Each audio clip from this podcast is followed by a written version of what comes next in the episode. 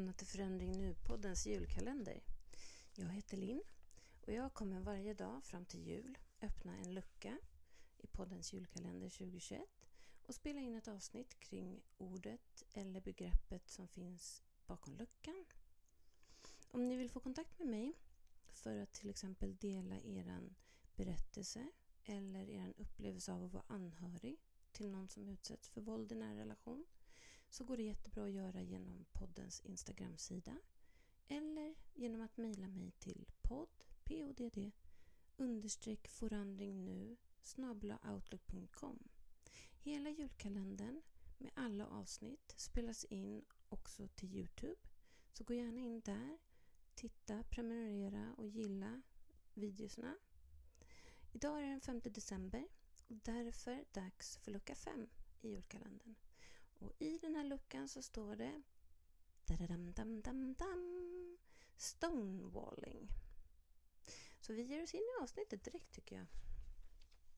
Stonewalling är engelska och begreppet betyder att någon vägrar att kommunicera eller samarbeta i en relation. Det innebär att förövaren helt enkelt vägrar att delta i samtal. Svarar inte på sms, svarar inte på samtal, samarbetar inte.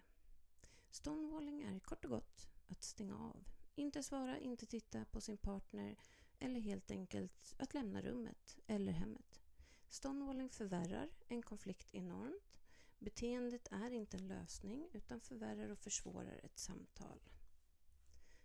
Stonewalling är ett beteende som är avsett för att försena eller hindra genom att vägra svara på frågor eller genom att vara undvikande. Relationsterapeuten och forskaren John Gotham anser att stonewalling är så skadligt för relationer att han kallar det en av de fyra ryttarna av apokalypsen. De tre andra ryttarna är kritik, försvar och förakt.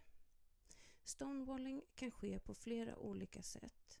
Till exempel genom att personen tunes out, tunes out, alltså eh, låtsas att inte höra eller lyssna. Eller så håller han tyst och förblir tyst. Även vid frågor så kommer inget svar. Personen kan också ändra ämnet mitt i ett samtal. Det är också en form av stonewalling. Forskning visar tydligt att män är mer benägna att använda stonewalling i ett förhållande än vad kvinnor är. Och när han stonewallar dig så stängs konversationen av innan den till och med har en chans att börja. Forskaren Dr. Paul Schroth anser att detta beteende där en person utsätter dig för att dra sig undan och nonchalerar dig när samtalen inte passar honom är otroligt skadliga och kan orsaka ångest, depression och ytterligare konflikter. Många män som använder det här beteendet hävdar att de vill undvika konflikter men att stonewalla skapar fler konflikter, inte färre.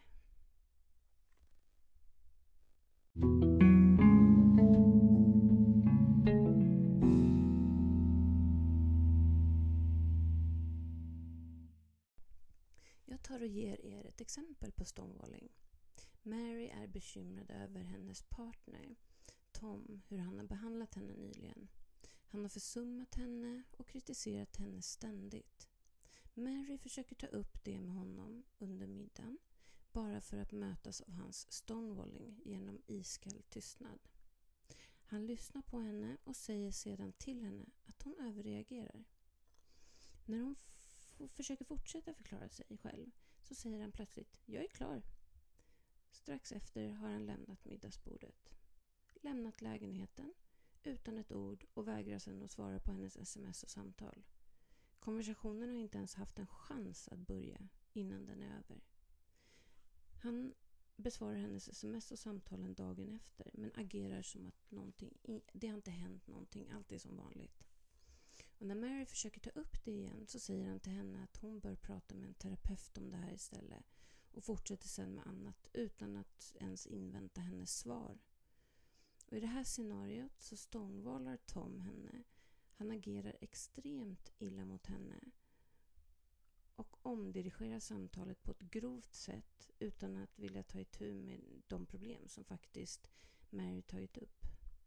Det här beteendet orsakar ännu mer lidande för Mary och onödig spänning och trauma.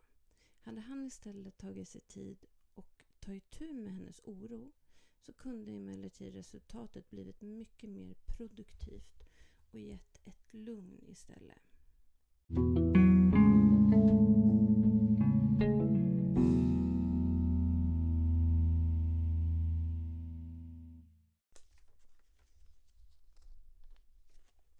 Vanligtvis så går stonewalling och den tysta behandlingen, silent treatment, hand i hand. Efter att offret blivit stonewallat behandlar även förövaren offret med tystnad på alla sätt. I ett förhållande med en narcissist och där mannen utsätter kvinnan för våld så är den tysta behandlingen och stonewalling manipulativa taktiker inbäddade i våldscykeln. I början av våldscykeln så kan narcissisten älska att lovebomba offret och idealisera henne med enormt mycket uppmärksamhet för att snärja henne och få henne att bli fast. Narcissisten trivs av kraften och kontrollen de känner när de fortsätter att dra offrens strängar som en mästerdokej. I samband med ett kränkande förhållande så används båda teknikerna. Medvetet som kontrolltaktik till exempel för att skrämma, förminska offret och känna sig obetydlig också. När en narcissist behandlar dig så här så är det ett sätt att devalvera dig och få dig att känna dig osynlig. Det provocerar dig till att reagera och du är benägen att göra vad som helst för att få tillbaka hans uppmärksamhet och godkännande. Det slutar med att du jagar honom när det borde vara han som eh, försöker få dig att förlåta honom för det som hänt eller det han har sårat dig för. Det blir en helt liksom, förändring i hur dynamiken borde sett ut. I relationer är stonewalling den känslomässiga motsvarigheten till att avskära någons syre till exempel. Det är en form av övergivande. Och även om stonewalling verkar sätta stopp för kommunikationen så talar det för en grymhet mot sin partner. Oavsett vilken avsikt ens partner har till att stonewalla dig så är budskapet du är inte värd att jag skulle svara dig och dina tankar och känslor spelar ingen roll för mig. Du spelar ingen roll för mig. Stonewalling kan faktiskt ha effekter på hjärnan. Forskning indikerar att sådant beteende är en form av otrasism som aktiverar den främre singulerade cortexen, samma del av hjärnan som upptäcker fysisk smärta. Att ignoreras kan göra att någon känner sig skadad, bokstavligen. Dessa effekter kan, kan finnas kvar väldigt kraftfullt hos offret länge. Även om stonewalling kan hända ibland, även i friska relationer, som en sorts försvarsmekanism eller hanteringsmetod för konflikter så har det skadliga konsekvenser när det används upprepade gånger. Stonewalling från en narcissistisk partner är annorlunda versus stonewalling från en normal person. Det är klyftigt, kallt och manipulerande. Det används för att orsaka smärta, avsiktlig smärta, för ens partner.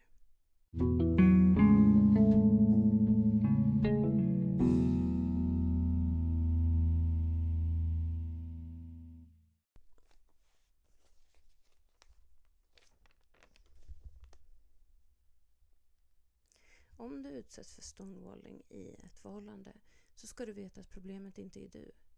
Om det här sker regelbundet så ska du veta att en giftig persons kommunikationsmönster inte kan ändras om personen inte är villig att ändra sig. Det bästa du kan göra är att ta dig ur relationen så snart du bara kan. För det kommer inte att bli bättre. Och du kan inte förändra en annan person med din kärlek. Han måste vilja ändra på sig själv. Han vill att du ska jaga honom och tigga om hans uppmärksamhet.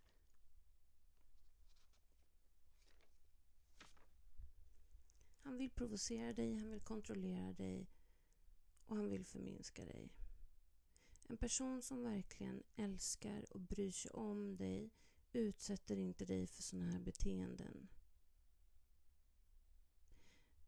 Det här var allt för denna lucka. Jag kommer inte gå in djupare på ämnet. Det går att absolut eh, eh, dyka djupare i om ämnet kring stonewalling och det kommer komma i ett framtida avsnitt. Men nu har jag pratat om vad som fanns bakom den här luckan.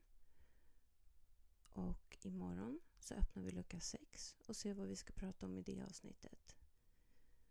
Återigen, vill du dela din berättelse eller har några frågor så kan du komma i kontakt med mig via poddens Instagram-sida eller mejla till podd understreck förändring nu outlook.com